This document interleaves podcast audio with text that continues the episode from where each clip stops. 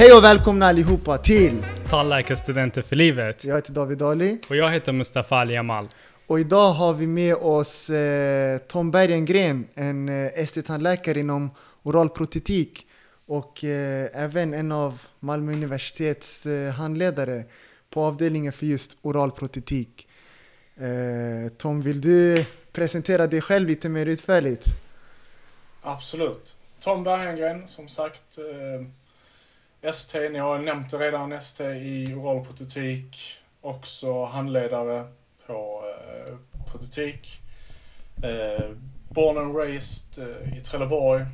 Tog mig hela vägen till Malmö. Och eh, stannade där nu i, bosatt i Lund. Mhm. Okej. Vilken resa! Tog min examen 2014, det kan jag också säga. Och påbörjade min ST förra, eller i, nu i somras. 2020.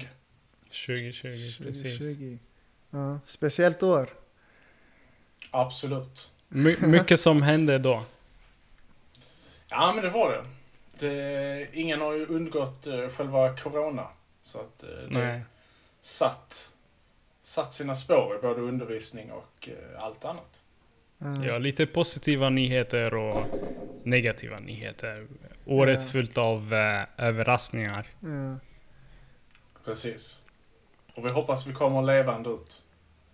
Mm. Ja, ja. Det Ja. hoppas vi. Men det var lite kort. Vill du berätta lite om, om vad är det du gör egentligen som eh, ST-protetiker eller ST-tandläkare inom protetik? Hur ser din vardag ut? Är det mycket teori? Är det mycket praktik? Mycket studier där du sitter själv och planerar och så vidare? Hur, hur är det att gå en ST-tjänst inom oralprotetik? Ja, ja men bra fråga.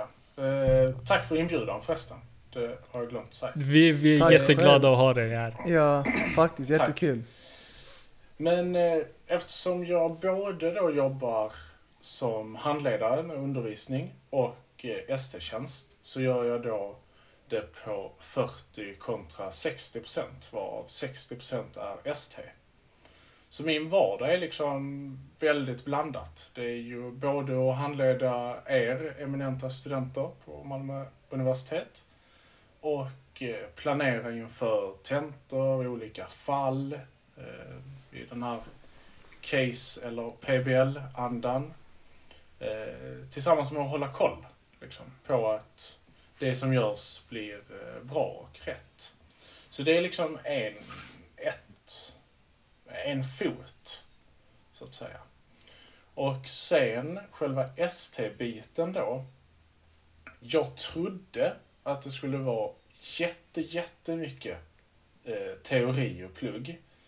Men det är på ett lite annat sätt. Så förutom att man har sina kliniska fall, Eh, sina patienter helt enkelt, som man gör sin utredning på och eh, så, och planerar den terapin, så behöver man också, som vi försöker lära ut till er, att alltid ha stöd i eh, sin terapi.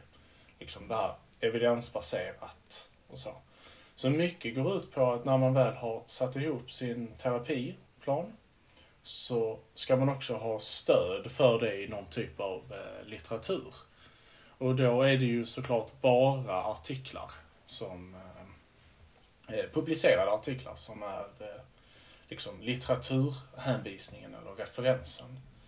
Sen blir det ju att man stöter på nya problem eller svårare problem än vad man har gjort tidigare. Och då behöver man också förutom att konsultera både sin egen handledare och andra kollegor om hur hade ni gjort, så blir det ju att man också får liksom söka upp den informationen.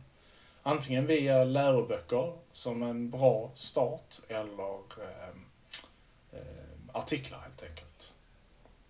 Och, så. och sen så har man ju också som ST att, ska ju liksom, jag ska inte dra hela STn i bara den här eh, eh, början, men man går kurser och då finns där ju att man ska examineras i det och behöver plugga inför och efter. Och sen gör man fallpresentationer också. Eh, Så som ni har gjort eh, hos oss. Där är det lite så här. Är det, är det liksom att ni sitter nästan som i basgruppsmöten och presenterar fall för varandra, eller hur? Ja, men lite så. Vi, vi är ju en del, så vi är två ST i oral och på Malmö universitet.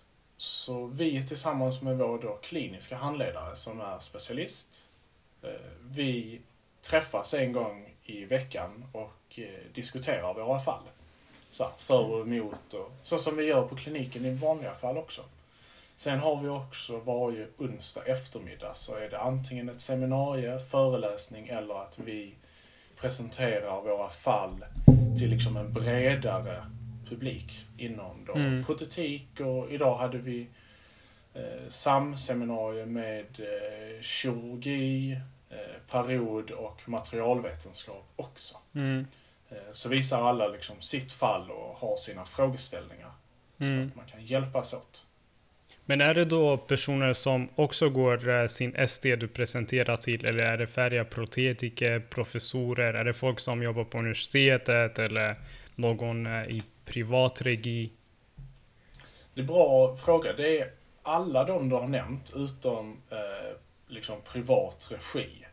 Eh, Mm. Ibland har vi också, vi har ju kopplade eh, personer som kanske är eh, specialister som är kopplade till skolan på något sätt. Eh, protetiker, kirurger etc. Men de kanske jobbar privat. Men de är då Mm. specialister och liksom Mm. kopplade helt enkelt. Mm. Så det är väldigt, eh, väldigt lärorikt och det är väldigt bra att man får den breda eh, diskussionen och kompetensen. Mm. Vi, vi har haft det samtalet med Gustav också som eh, din eh, vän under studietiderna och eh, fortfarande kanske vän eh, tills idag. Och eh, som jag förstått att... Eh, Vi är fortfarande, vi är fortfarande ja, inte bara tills idag. ja, ja, ja, att eh, mycket av det, eh, en stor del av ST-tjänsten att kunna samarbeta med andra specialiteter inom yrket, eh, som du nämner. Mm. Eh, så det, det är den bilden som, som jag får om, om det stämmer. Mm. Precis, jo men det stämmer och det är ju liksom om man tänker efter så blir det eftersom som specialisttandläkare då så är man lite av den sista instansen för eh, Mm. patienten. Och då är det oftast att det är så här multifaktoriellt och multidisciplinärt. Att det är eh, liksom att man måste få in från alla olika discipliner. Så det är Mm. en väldigt stor del i att vara specialist. Mm. Att eh, Mm.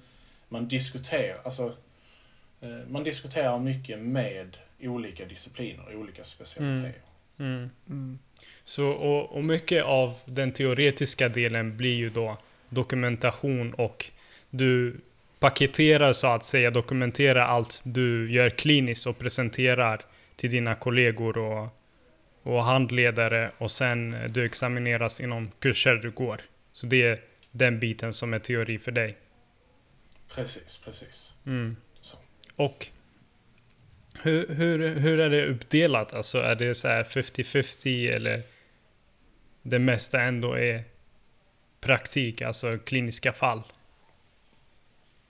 Ja, men där skulle jag väl eh, typ uppskatta det kanske med till...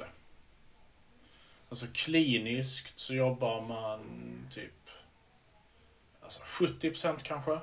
Och Mm. sen är det då både administrativt kliniskt, alltså planerar sina terapier.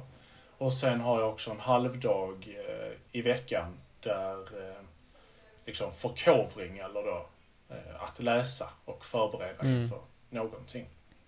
Mm. Och så en halv, en halv dag eh, med eh, seminarier och det som jag precis berättade om, kliniska fall och eh, så. Precis, precis. Mm.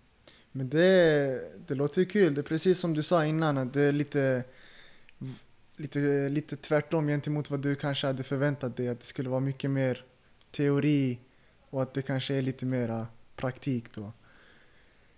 Precis, precis. Mm. Och så, men det blir ju att det kommer liksom i skov det här med hur mycket teori. Till exempel om man Mm. går en diplomkurs som är en vecka.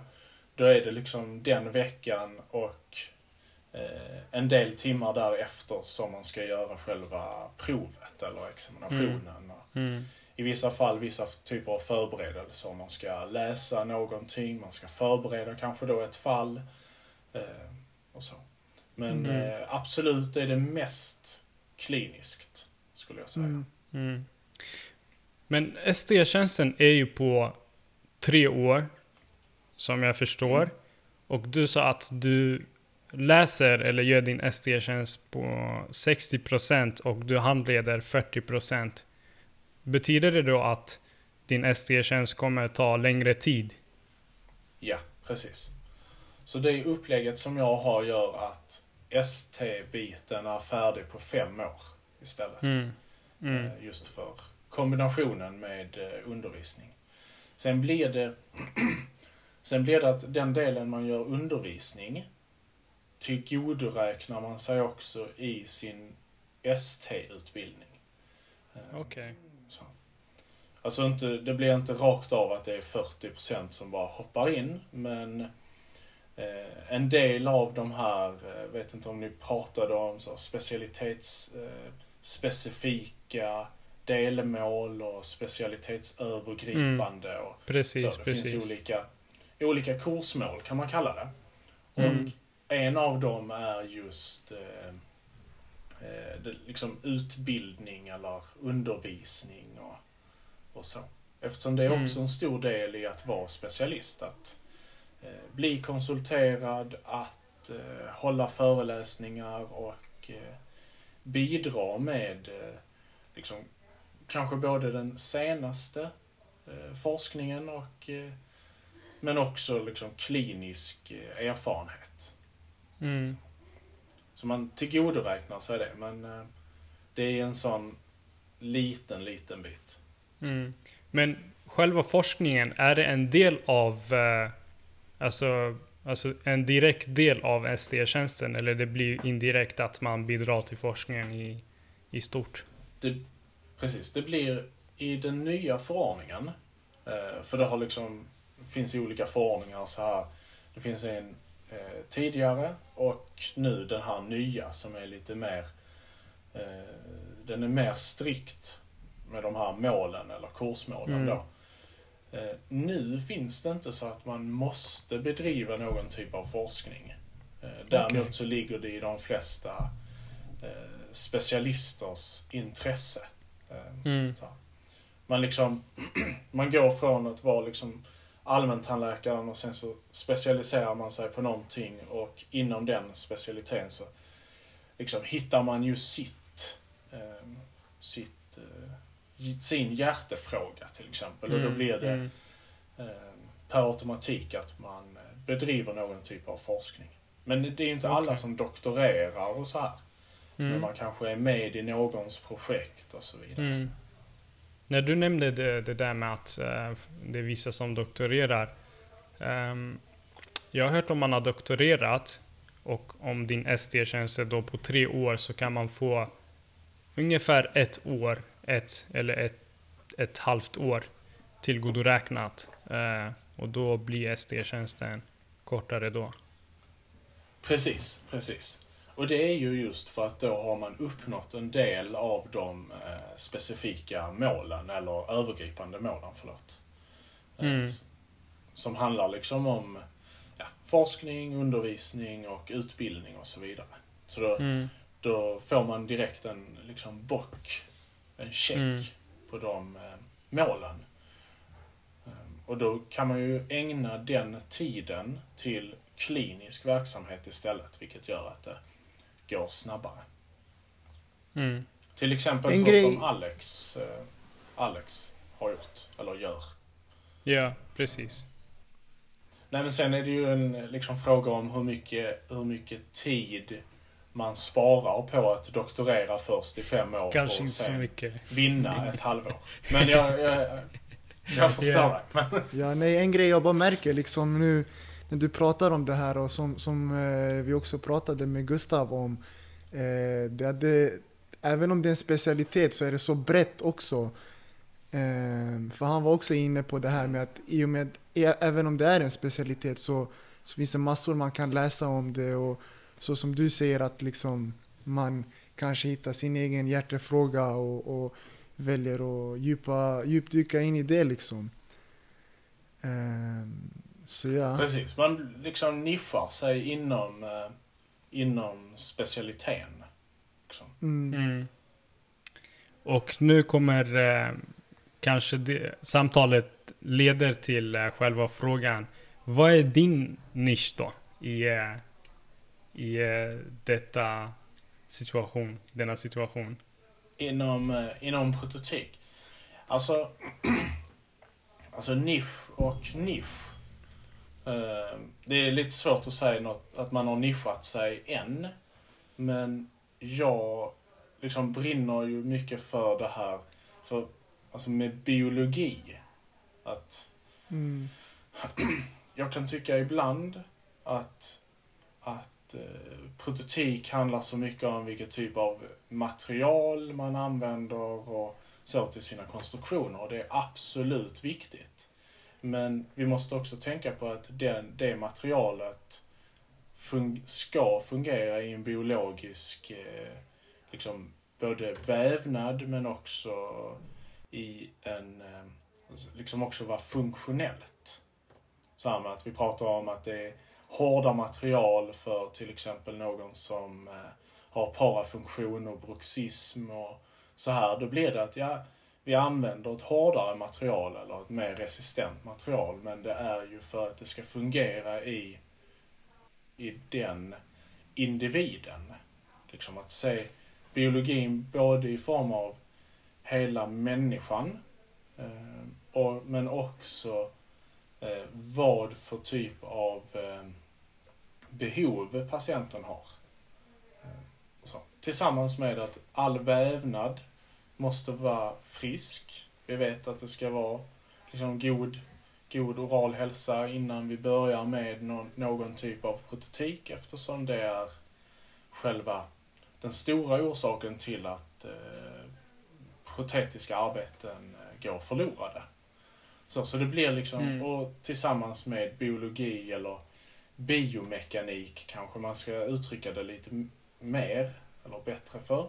Eftersom det är i en käke. Käken rör sig, man använder den för att tugga eh, och så. Så att man bara lyfter blicken lite mer. Eh, så Mm. det är lite vad jag tänker när jag säger biologi. eh, Mm. I, detta, Ja. I detta fallet. Så inte bara blod Men- och eh, blod. Nej. Nej. Eh, Men jag tänker på en sak Tom. Eh, Det är att nu när vi liksom, när Ja. vi är på, på studentkliniken och, och jobbar där så precis som du säger så får vi ju när vi får in patienter så får vi också tänka på liksom vad är deras behov, vad, vad vill patienten ha och så kollar man på biologin då och, och fokuserar på det och ska liksom fixa det innan man går över till en protetisk behandling. Eh, och då blir min fråga lite, eh, vi får ju liksom göra lite protetiska konstruktioner, broar, kronor, allmäntandläkare liksom gör ju det ute på klinik. Eh, och du var lite inne på att eh, som specialist så är man lite så här, sista mannen eh, som man vänder sig till när det inte går att lösa. Var, var går den här gränsen mellan vad en allmäntandläkare gör eller kan göra och, och, och var börjar liksom den delen där en specialist tar över? Mm, bra fråga. Det är, det är en gråzon, absolut. Eh, när man är allmäntandläkare så är man ju legitimerad och du får lov att göra i princip all typ av behandling. Så att var ens, Eh, var ens gräns går som allmäntandläkare, det blir ju egentligen där man känner att sin kunskap tar slut. Eh, och det är väl egentligen där som nästa instans då som specialist man tar över. Så. Eh, så skulle jag nog säga. Det är liksom en gråzon av var gränsen ligger och den är olika för varje tandläkare. Eh, Mm. Men det är just när den individen, den eh, tandläkaren, allmäntandläkaren inte känner att den har kompetensen. Det är då eh, specialisten eh, kommer in i bilden. Mm. Men vilka, vilka liksom... Ja. Ja, det är, lite, det är mycket ansvar eh, för specialisten då. Ja, men på ett sätt blir det. För att i vissa fall så kanske det är en patient där man faktiskt inte kan göra så mycket mer. Det kanske handlar om ens, eh, patientens förväntningar. Och då blir man Mm. som sista instans att vara den som också säger att liksom stopp, Ha det Vi- samtalet. Eh, vi kan inte, det går inte att göra mer. Eh, Jag förstår Mm. din frustration, jag förstår din känsla och dina tankar, men vi kan inte uppnå det som du önskar.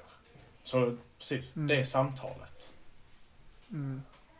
Mm. Okej. Men eh, vad finns det då för typiska liksom, specialistfall då som, som, man, som man har som protetiker? Ja, men en Om du del... skulle kunna eh, ge några exempel bara. Ja men absolut. För där är ju också eh, vissa, vissa tillstånd. Till exempel om man har eh, varit eh, eh, haft anorexia eller har någon, någon annan typ av eh, något annat typ av tillstånd som liksom en sjukdom som har gjort att ens tänder har fallerat eller ens liksom, bettfunktion. Och då finns det ju Eh, de här tillståndskoderna och då, diagnoser som gör att man kan få det inom sjukvårdstaxa. Och för att få lov att göra kanske då eh, protetik under sjukhustaxa så krävs det att man är eh, specialist. Och så också eh, protetisk behandling på barn.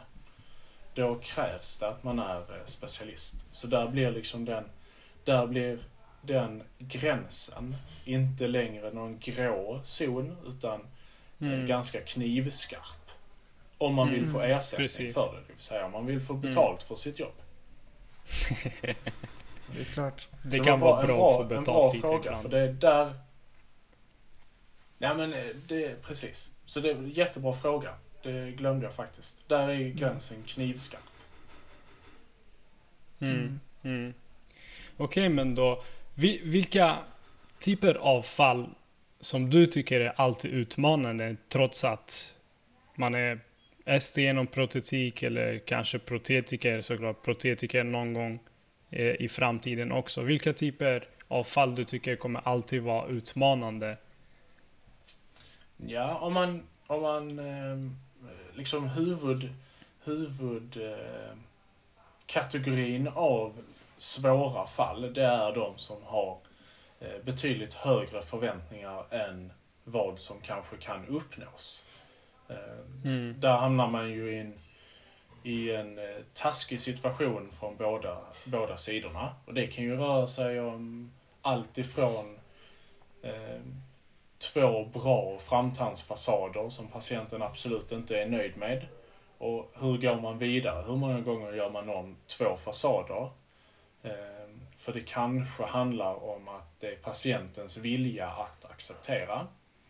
Annars är det ju så svåra fall kan ju vara ehm, hel, helproteser till exempel, där man inte har tillräckligt med benstöd eller alveolarbenet är så kraftigt resorberat att man skulle vilja använda sig utav eh, implantat för att retinera det, men kostnaden är, eh, är för stor för patienten.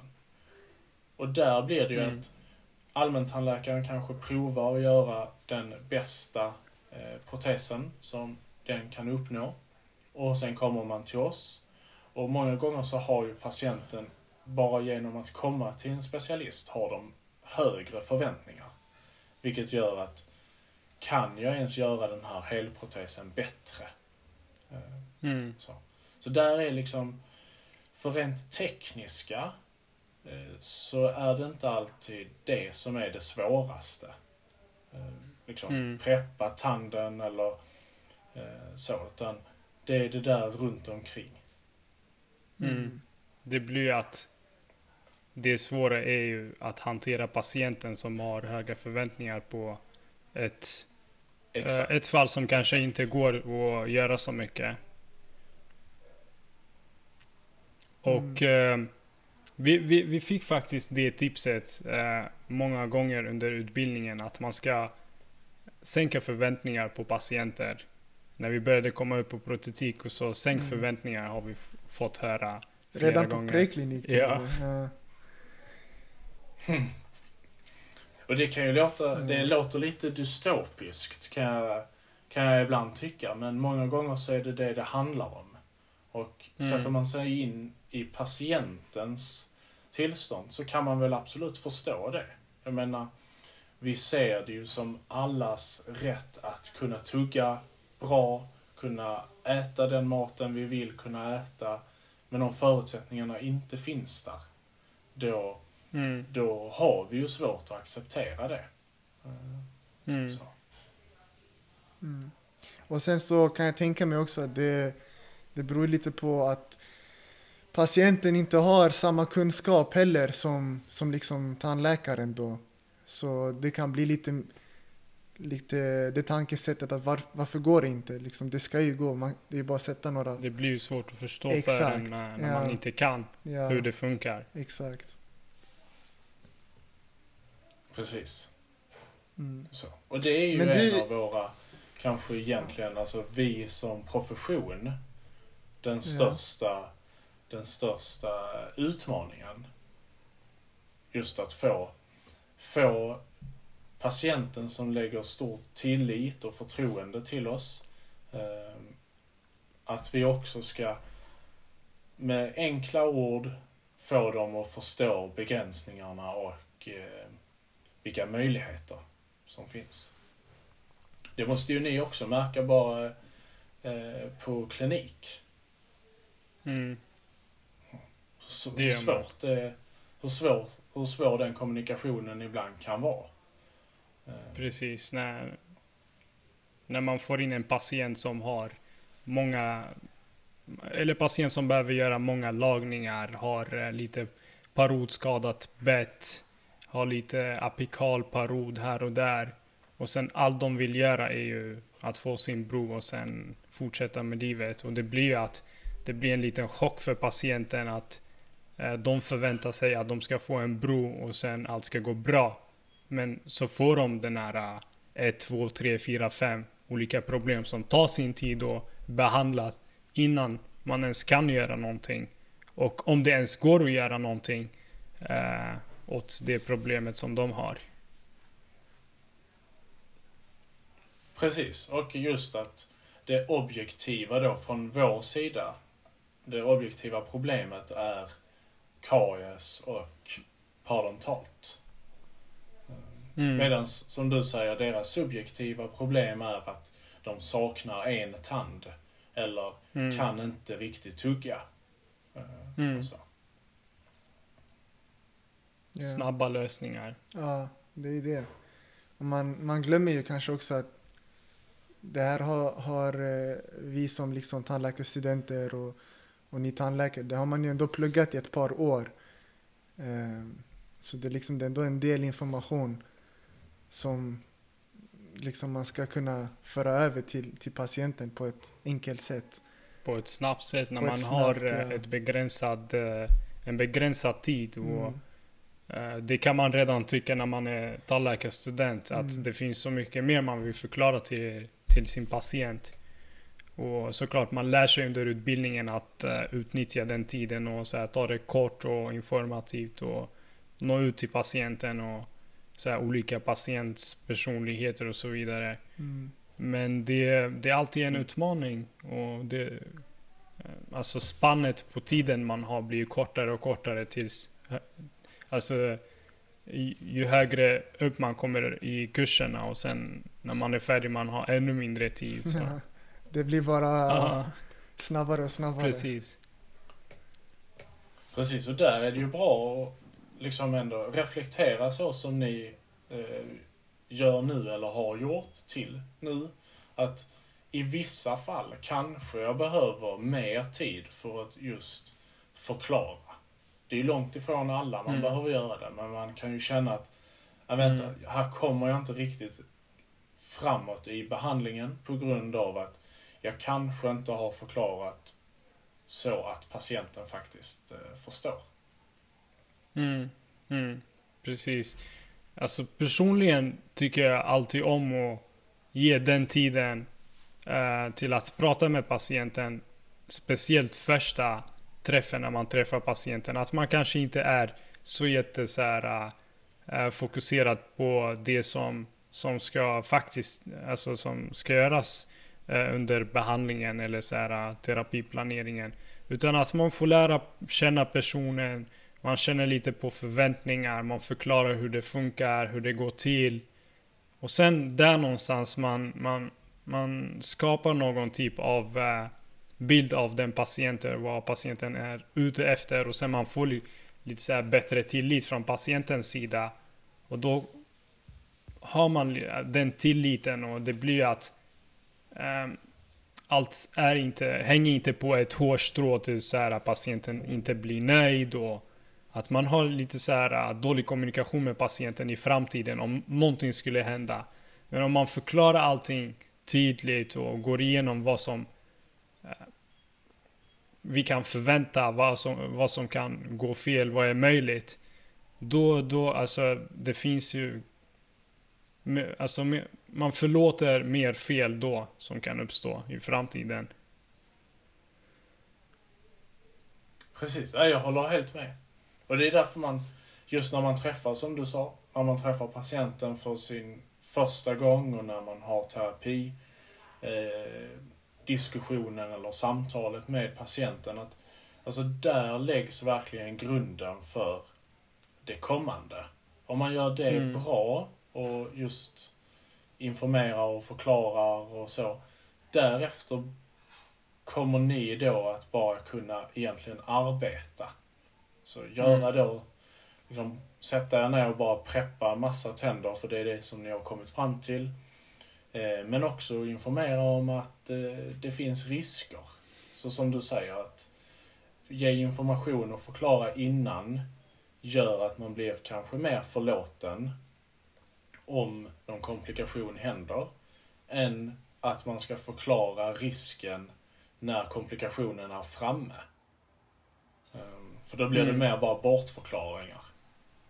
Precis. Ehm, Men det är inte, Ja, och- det är och- inte lätt alltså. Nej, nej. Och det, det finns ju sådana patienter som inte riktigt behöver någon behandling. David, eh, kommer jag ihåg, hade en patient som, som ville ha koll på sina tänder men eh, när man pratade med patienten och gav lite tid så var det alltså patienten var inte påverkad eh, varken estetiskt eller funktionellt. Eh, men eh, det, det var så lätt att alltså, komma igång med en behandling eh, på en sån patient. Men eh, samtidigt man, man tänker, behöver jag faktiskt göra det om inte behovet finns? Mm. Och där kan komma många problem som man inte kanske förväntar sig. Att eh, förväntningar blir Precis. höga och sen att varför har vi ens startat behandlingen om, om inte behandlingen var eh, nödvändig då? Mm. Och många sådana problem uppstår när, när, man, när kommunikationen blir, eh, blir bristfällig. Ja, håller med. Ja. Det går lite tillbaks till det du var inne på med biologi också liksom. Att om det inte, om det inte är så bra att göra det och det inte liksom behövs då, då får man försöka få patienten att, att förstå det Mm. helt enkelt. Mm. Precis, så man inte ger sig in i något som kanske behovet inte finns riktigt från patienten. Men Mm. patienten har en, har en eh, upplevelse över att den ska, man ska inte ha en tandlucka till exempel. Eh, Mm. Men egentligen har patienten inget problem. Kan tugga, kan fungera eh, socialt eh, och så. Då kanske, det inte, då kanske det inte är rätt tillfälle att eh, eh, sätta igång. Samtidigt som Mm. man kan ha det andra, liksom andra aspekten på det, att patienten har ett otroligt stort objektivt eh, behov från vår sida, men Mm. inte har ett behov själv. Kan tugga, tycker Exakt. att det ser bra ut ändå. Liksom. Mm. Bryr mm. sig inte, om man kan säga Ja. så. Mm. Yes. Men eh, du Tom, jag tänker nu har vi, eh, vi har varit inne och pratat mycket om liksom ST-tjänsten och, och liksom hur det är att vara specialist och allt det där. Men jag tänker om vi, om vi backar bandet lite till, till innan du var tandläkare, till innan du ens kom in på utbildningen. Hur kom det sig att du, du ville plugga till tandläkare överhuvudtaget? Hade du, hade du liksom någon nära, eh, någon familjemedlem, någon, liksom, någon du kände som, som var inom tandvården? Bekant, någon du såg Eller? Ja, upp till. ja. Ja, ja det, är, det, är en, eh, det är en bra fråga. När, när jag gick gymnasiet så liksom hade bara en dröm och det var att bli pilot. Eh, Så det var liksom, det fanns inget annat. Liksom. Ni ser ju själv framför er liksom pilotbrillor och så sån uniform och ja, ni, hör, ni, ser, ni målar bilden själv. Eh, Men eh, sen så fick jag för mycket synfel för att eh, kunna ens söka in. Och då, Mhm. den eh, tjejen som jag var tillsammans med då, hennes pappa var tandläkare och sa att eh, Tom, det här är liksom, det är framtidens yrke och det här är jättekul och så. Och jag, jag skrattar ju bara liksom. Vem vill, eh, vem vill eh, kolla folk i munnen och pilla liksom? Nej, det var absolut inget, eh, inget för mig. Så nu är vi eh, här. sen- Precis, nu är vi här. 20 år senare höll jag på att säga, men inte riktigt. Men Ja. sen bara växte det egentligen. Och eh, frågade min egen tandläkare vad hon tyckte om sitt jobb och vad hon tyckte var fördelen med det. Just att man får träffa mycket människor. Eh, jag har alltid tyckt om att eh, liksom så här, pilla med saker. Alltså hantverk, såga, snickra. Eh, höll på med Warhammer på den tiden när man var eh, ung. Eh, måla och sånt. Och när liksom allt det där klaffade in i att eh, faktiskt, eh, det är en del i tandvården också. Inte Warhammer då, Mm. men eh, att, liksom detaljer så här. Och sen bara Ja. sa jag det till folk när folk frågar, vad vill du göra när du blir stor? Eh, jag ska bli tandläkare.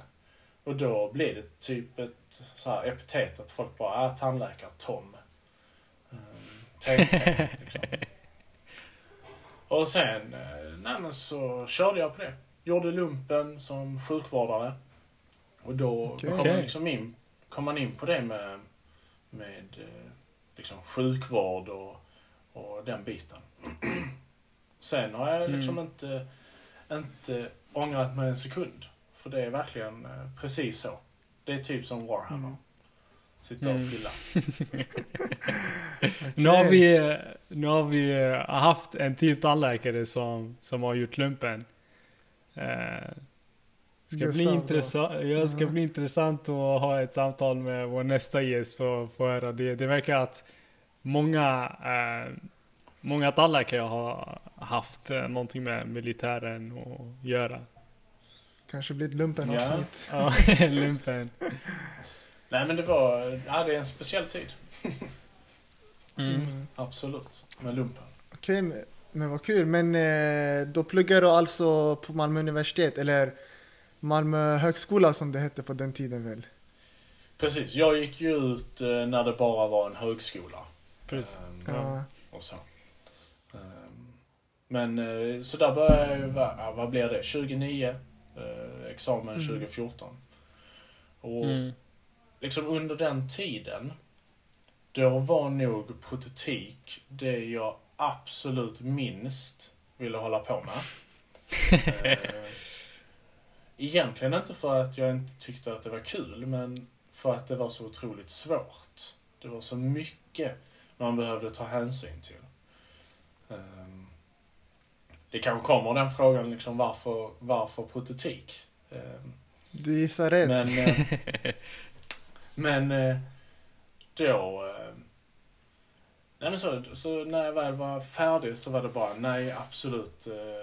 Liksom, ja, lite, lite försiktigt med protetik. Sen så kom jag till en klinik där det fanns stort behov från patienterna med, med protetik. Och då eh, åkte jag till skolan, snackade med mina gamla handledare och, och så. Och då var det en, eh, en av mina handledare då eh, som är pensionerad professor som tyckte att jag också skulle börja på skolan. Mm. Eh, Lite samma svar som mitt ex pappa. Att det är ingenting, det är ingenting för mig. Jag vill bara jobba. Liksom. Men eh, sen växte ju den tanken och de ringde upp igen och sa att nu finns det en plats eh, ledig för att vara eh, handledare. Och då liksom på prototik också. Så att det var väl bara att kasta sig in i, kasta sig in i det och ångrar inte det heller. Så mycket Mm. är ju att kanske att jag först säger nej, att det där är inget för mig, men sen har någon annan sett något som inte jag eh, riktigt eh, har sett, helt enkelt. Mm. blir kanske att man underskattar sig själv lite. Ja, men det, absolut, det kan också vara så. Man tycker att alla, man tycker att alla andra gör det mycket bättre än en eh, själv. Mm. eh, Och så. Man vill vara lite i bakgrunden, lite osynlig. Eh, Ja. Men du Och sa sen att... plötsligt eh, så visas du, man på en eh, liksom podd och eh, liksom, eller en YouTube-kanal. Ja. ja, livet har många, många möjligheter. Precis. Men du sa att du var jätteförsiktig med protetik. Vad är det du inte var försiktig med? Finns det några Mm. andra eh, SD-tjänster som, som kanske var lockande eller områden du ville nischa dig i? Ja. När jag, när jag gjorde vår, eh, vår kandidat och master tillsammans med Gustav. Då var liksom båda två, var, det var liksom kirurgi och eh, period. Så här. Vi tyckte om att ja, skära och så här. Men eh, det fann jag sen att jag inte tycker är lika roligt som eh, Mm. prototik. Mm. Så kirurgi eller eh, period var eh, det som var liksom min tanke när jag gick ut. Som många, många har den tanken, upplever jag. Mm. Ja, det, jag kan känna igen mig själv också i det, eh, i det du säger. Att eh, det känns som att man, man tar, eh, när man vill nischa sig inom någonting, man, man tar det man tycker om och det man är bra på. Men sen när man inte har ut så mycket av, det blir lite så, så här svårt att okej, det, det går bra för mig i så här flera områden. Men är det verkligen bra om jag börjar göra alltså fler fall uh, av det? Och då kan det vara bra att jobba som allmän tandläkare kanske i ett par år och uh, inse vad man faktiskt tycker om och inte tycker om och vad man är bra på och inte bra på. Precis, och det är det som är faktiskt jättebra tycker jag. Att det kräver att man har jobbat som allmän tandläkare i två år. Och då är det två år 100 procent. Eh, Mm. Just för att det kan också vara lite tidigt på ett sätt. Kan jag liksom, när jag tittar bakåt. Eh, För man har inte stött på så mycket problem kanske. Man har framförallt inte följt upp sina patienter. Men man hittar ju ganska så snabbt ändå en, eh, liksom, någonting man brinner lite extra för. Mm. Så, så jag tycker det är väldigt, väldigt bra att man, eh, att man inte kan gå direkt. Eh, eller att det krävs ett par år innan man eh, väljer. Mm. Sen är det ju väldigt roligt att vara allmän tandläkare också. Mm. Ja. Precis, då är man inte så jättebegränsad i det man gör. Man, man kan göra det man tycker själv är roligt och man är inte så här bunden till sina remisser på samma sätt. Precis. Och man har med de här revisionspatienterna. Man träffar liksom kanske samma patient flera gånger eh, på många år och blir liksom ett gött tugg istället. Mm. Jag har inte gjort Mm. en eh, endodontisk, eh, jag har inte gjort en rotfyllning på liksom ett år nu. Eh, Så att det är ändå sånt som man kan sakna. Eller Mm. den här lilla enklare, enklare fyllningen eller så. Träffa de här barnpatienterna som inte har så stora bekymmer utan man kan mer snacka, snacka Fortnite och annat istället. Mm. Någonting som är faktiskt roligt. Någonting som faktiskt är roligt. Ja. Men eh, du, när du gick ut eh, och, blev färdig tandläkare, vad, vad tog du vägen? Eh, Var det folktandvården som, som välkomnade dig eller var det privat tandvård? Eller kom du tillbaka, tillbaka till skolan direkt då? Nej, direkt när jag hade tagit examen så fick jag jobb via min sån här VFU-plats. Alltså där man gjorde sin praktik. Mm. Mm. Eh, Och det var via Folktandvården. Jag var väl ganska så bestämd tidigt att jag vill eh, gå privat. För jag tycker också om det här med liksom företagsamhet och eh, drift och så. Så det var jag ganska bestämd över men eh, ansåg att det var ett eh, jättebra sätt att bara komma ut. Alltså ni vet ju själv, eller ni kommer att märka det själv, man vill när man är färdig vill man ut och jobba. Mm. Och sen eh, ett halvår senare så blev jag uppringd av en privat aktör som erbjöd mig ett jobb. Och då hoppade jag på det. Jobbade där några år och sen bytade jag till en annan privat aktör istället. Så. Och där någonstans i liksom början av den privata sfären eller privata tiden så började jag också på skolan. Eh, Mm. Jobbade, så jobbade jag liksom 20% på skolan och 100% på eh, den privata. Det blev lite mycket.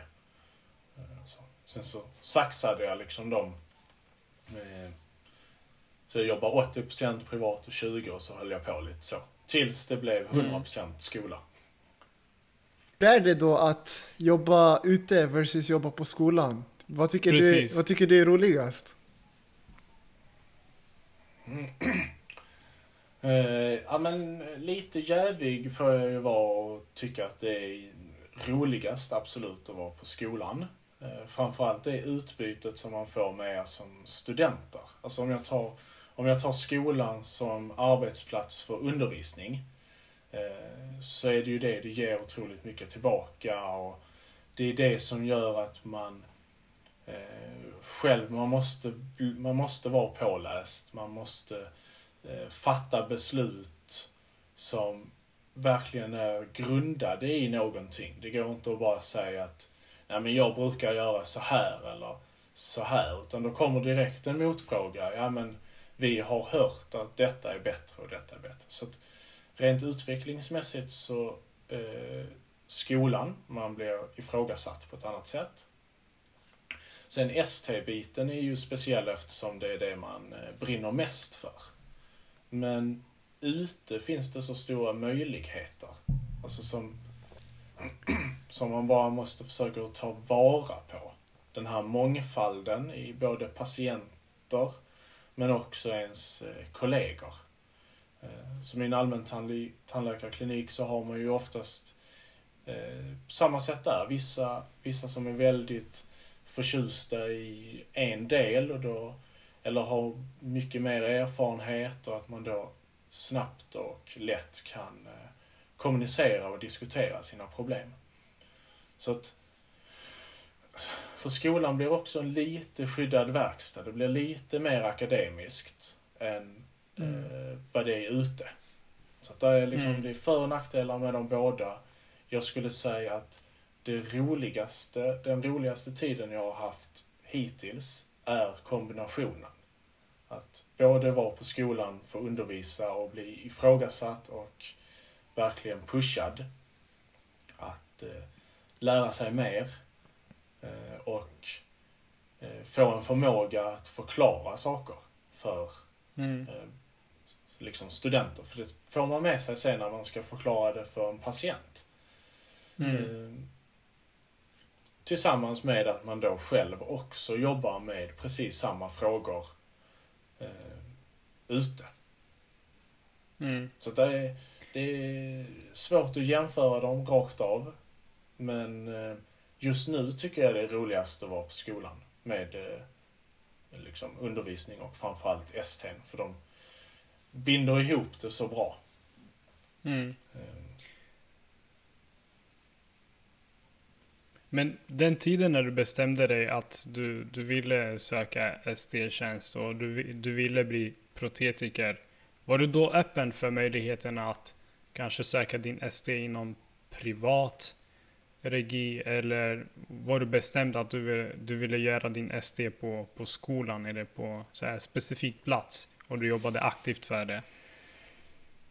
Nej, man kan väl säga eh, för sådana här ST-tjänster, det finns ju lite olika. Mm. Det finns ju både uppdragsgivare, alltså uppdragssatta, det vill säga till exempel den som jag går nu är eh, universitetet som eh, bekostar. Sen så Mm. finns det ju som Folktandvården, att de är uppdragsgivare och då bekostar de ens utbildning. Och sen finns det regionala, eh, regionala eh, platser. Och där Mm. kan man egentligen bli eh, eh, satt liksom var som helst. Det som krävs dock är att den platsen man är på, att den kompetensen finns. Både i form av att där är en specialist, men också rent akademisk. Så man liksom delar in det i att man har en teoretisk handledare som då ska ha en viss, viss eh, liksom level av eh, akademisk eh, kompetens. Docent, Mm. professor etc. Och, så. och sen en eh, klinisk handledare. Så att hade möjligheten funnits med en privat aktör så hade jag varit lika öppen för det. På samma sätt som Mm. att jag var öppen och sökte eh, Folktandvårdens Mm. eh, tjänst. Så. Och tycker du att eh, du kanske har kontakt med några andra vänner som eh, gör sin ST-tjänst på Folktandvården eller, eller inom, ge, genom någon privat aktör? Tycker du att det, det finns någon skillnad eh, alltså, men, på kvaliteten, på, på upplägget, på, på någonting? Fi- Finns det någon skillnad? Vad, vad, vad tar man sin ST och vad som är bra, vad som är bäst, vad som är inte kanske så jättebra. Nej. Nej, det skulle jag inte, det skulle jag inte säga att det, jag upplever någon form av skillnad. Eh, Mm. Som, för oavsett vad man gör det så måste man ha de här, alltså samma delmål eller de kursmål eller Kriterierna. Mm. kriterierna. Eh, det handlar nu mer om vilka kollegor man har. Eh, Mm. så. Men när man kan ju komma till, ett, komma till en plats eller en arbetsplats där kollegorna kanske inte är så öppna med att diskutera olika eh, förslag eller terapier. Och de kanske inte vill diskutera överhuvudtaget utan eh, sköt du ditt så sköter jag mitt. Liksom. Och Mm. det, det är ju egentligen någonting som rör sig både för var man gör sin ST-tjänst men också det som jag försöker trycka på mest när eh, de studenterna som nu ska ut och frågar mig om tips. Eh, vart ska jag söka? Privat eller Folktandvården eller var? Så jag brukar bara säga att ni ska, ham- ni ska liksom få en bra magkänsla. Var är det jag har? Eh, vilka kollegor har jag? Hur verkar eh, miljön? Och eh, vad har jag för möjlighet för, till exempel, har vi avsatt tid för terapidiskussioner? Har vi möjlighet till vidareutbildningar, utveckling? Hur ofta får jag gå Mm. en kurs? Vad krävs om jag ska gå en kurs? Och så. Det är liksom det, den biten är så mycket viktigare. Men Utvecklingsmöjligheter. för att svara på din första... Utveckling, precis. Men för att svara på din första fråga så ser jag ingen skillnad på, eh, på eh, institutionerna liksom. Om du gör det privat, Mm. folktandvården eller här. Mm. Men hur, hur har du meriterat dig? Hur... Eh, eller när har du bestämt dig att du ville prote- bli protetiker? Du sa att det var ett samtal du hade med, med någon professor som tyckte att du skulle kanske satsa på att bli det och söka ST-tjänsten. När var det och eh, fanns det liksom så här eh, Mm. någon dag du satte dig och tänkte okej, nu ska jag göra ett plan och meritera mig själv och jag ska göra det på så här många år. Hur har du gjort det? Mm. Ja, faktiskt, eh, faktiskt så finns det så här liksom en, en dag då det verkligen blev eh, eh, på riktigt. Och så. Jag hade liksom meritera mig har jag gjort bland annat genom att vara på, vara på skolan. Sen gått kurser och fått vara en del i den här lärarklinikverksamheten vi har på skolan, vilket man kan lite se som att vara meriteringstandläkare på en specialistklinik. Men hela, liksom större delen av den tiden gjorde jag det mest för, av eget intresse. Så här. Jag var ganska Mm. så bestämd att jag skulle eh, starta egen klinik och jobba som allmäntandläkare men nischa mig. Men sen eh, hörde jag någon annan på en annan, eh, annan avdelning som fick liksom en ny handledare då som fick en fråga. Eh, vill du bli då inom deras specialitet? Och då svarade den personen rakt av bara ja. Och liksom efter det så blev det för mig också jag bara, ja, var, var, liksom, varför gör jag allt detta? Gör jag det bara för att det är roligt? Och gör jag det då för att det är roligt och att det är endast detta jag vill syssla med? Och då blir liksom klockrent svar ja. Och sen efter den dagen så har jag liksom eh, mer pelat. Alltså jag tror att det är jätteviktigt att folk runt omkring en som har kanske både makten men också eh, möjligheterna att liksom guida en in till att eh, få rätt meriter för att eh, kunna söka in. Om de hör det och kanske ser det inom den personen, då liksom, då kommer det lite eh, av sig själv. Så Mm. då öppnas, öppnas de eh, dörrarna. Mm. Okej.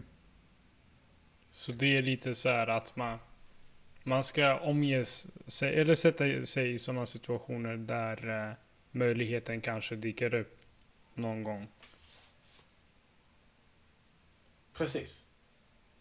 Då liksom, då guidar man sig själv också i den riktningen. Eh, Man kan Mm. släppa fokus, eller inte släppa helt, men man kan dra bort en del av fokus på Mm. eh, en del för att okej, det är det här jag vill. Man måste bestämma sig. Mm.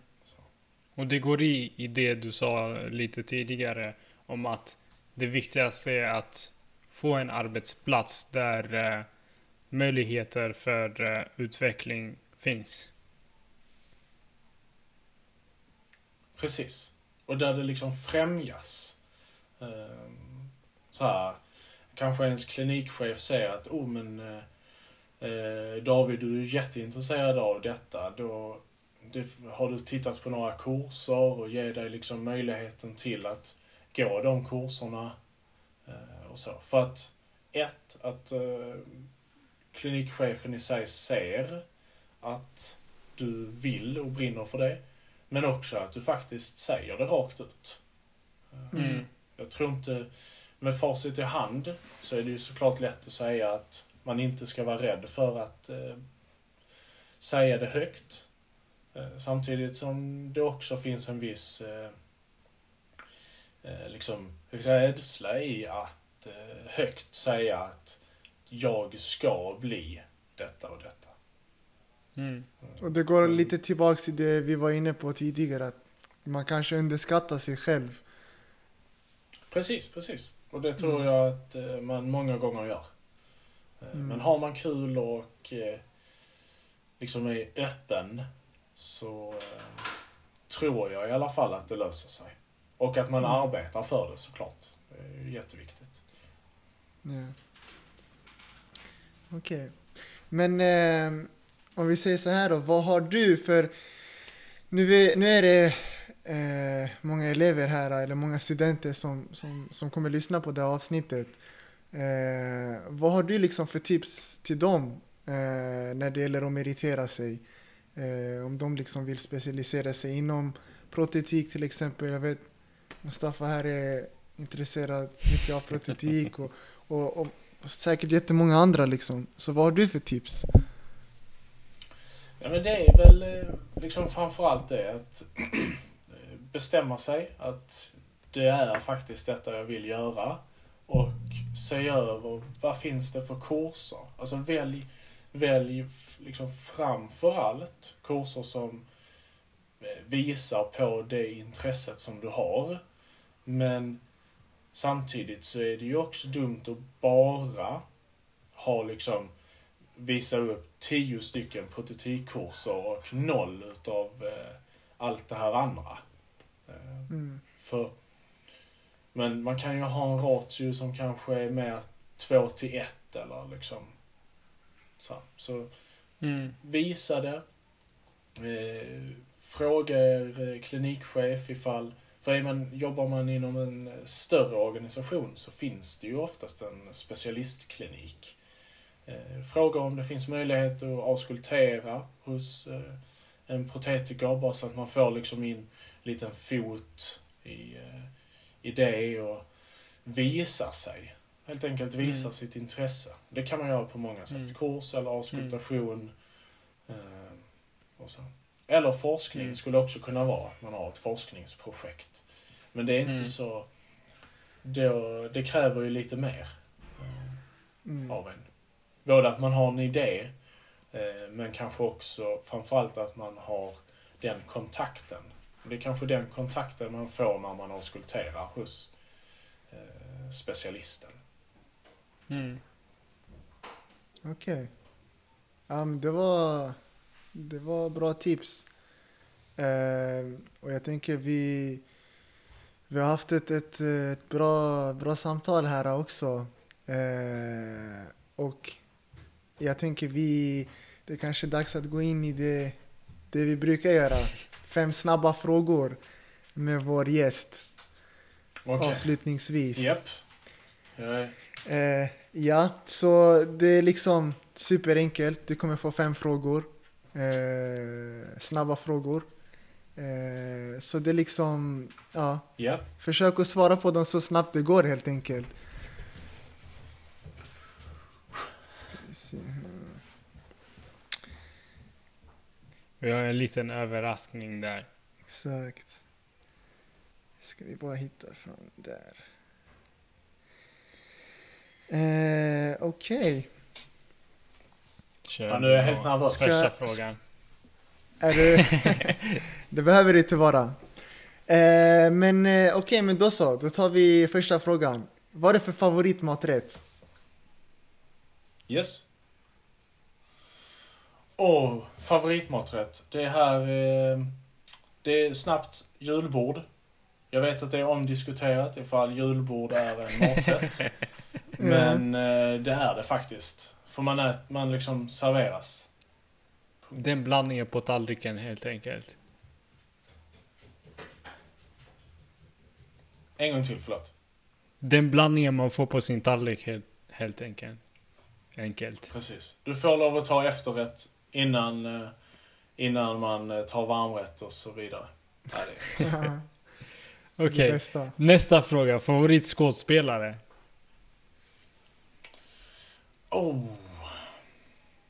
Ja, det är det svårt. Men eh, spontant skulle jag nog säga eh, Jason Statham. Jason Okej. Statham. Det, Ja, det, det var inte dåligt. det var inte dåligt. Eh, tredje frågan. Eh, det har du kanske i och för sig svarat ändå. Men eh, vi hade skrivit, vad hade du velat bli om du inte nu hade blivit tandläkare då? Eh, snickare. Snickare, okej. Ja, Och och, sen, eh, fjärde. Eh, vi har fått in en liten hälsning här från en, eh, en du får ja. gissa eh, vem, vem det är, så, så får David spela. Ska vi spela upp det här? lilla klippet? Ja, då hade jag sagt Hallå du man! Gick det att höra det? Ja, men lite. Jag hörde hallå. Ja, då hade jag sagt Hallå du man!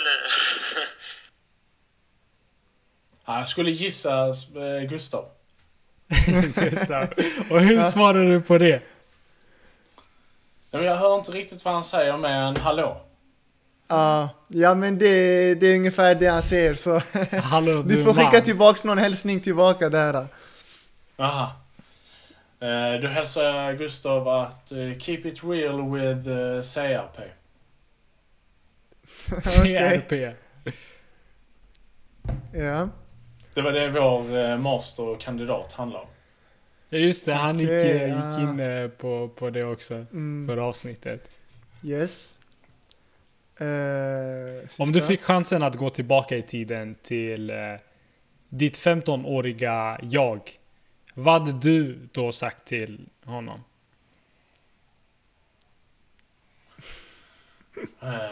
Phew. Keep it real with the C CRP.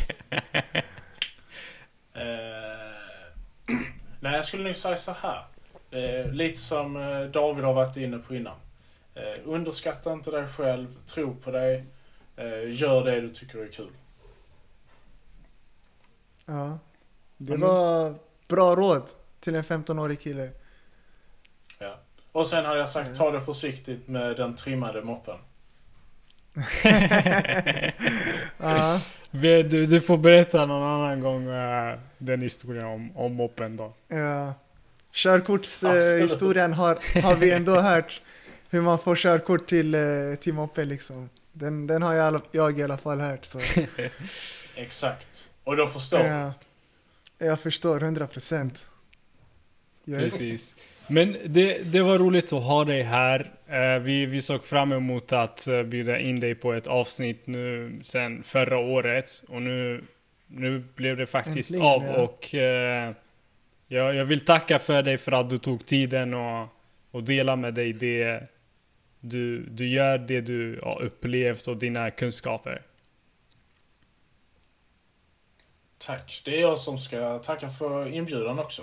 Tycker det är roligt att ni bjuder in eh, folk eller tandläkare som är liksom på gång och kan, eh, alltså på gång inom en utbildning eller så och kan svara på de här frågorna som eh, man som student verkligen undrar över. Mm. Så det är Mm. sjukt kul att se.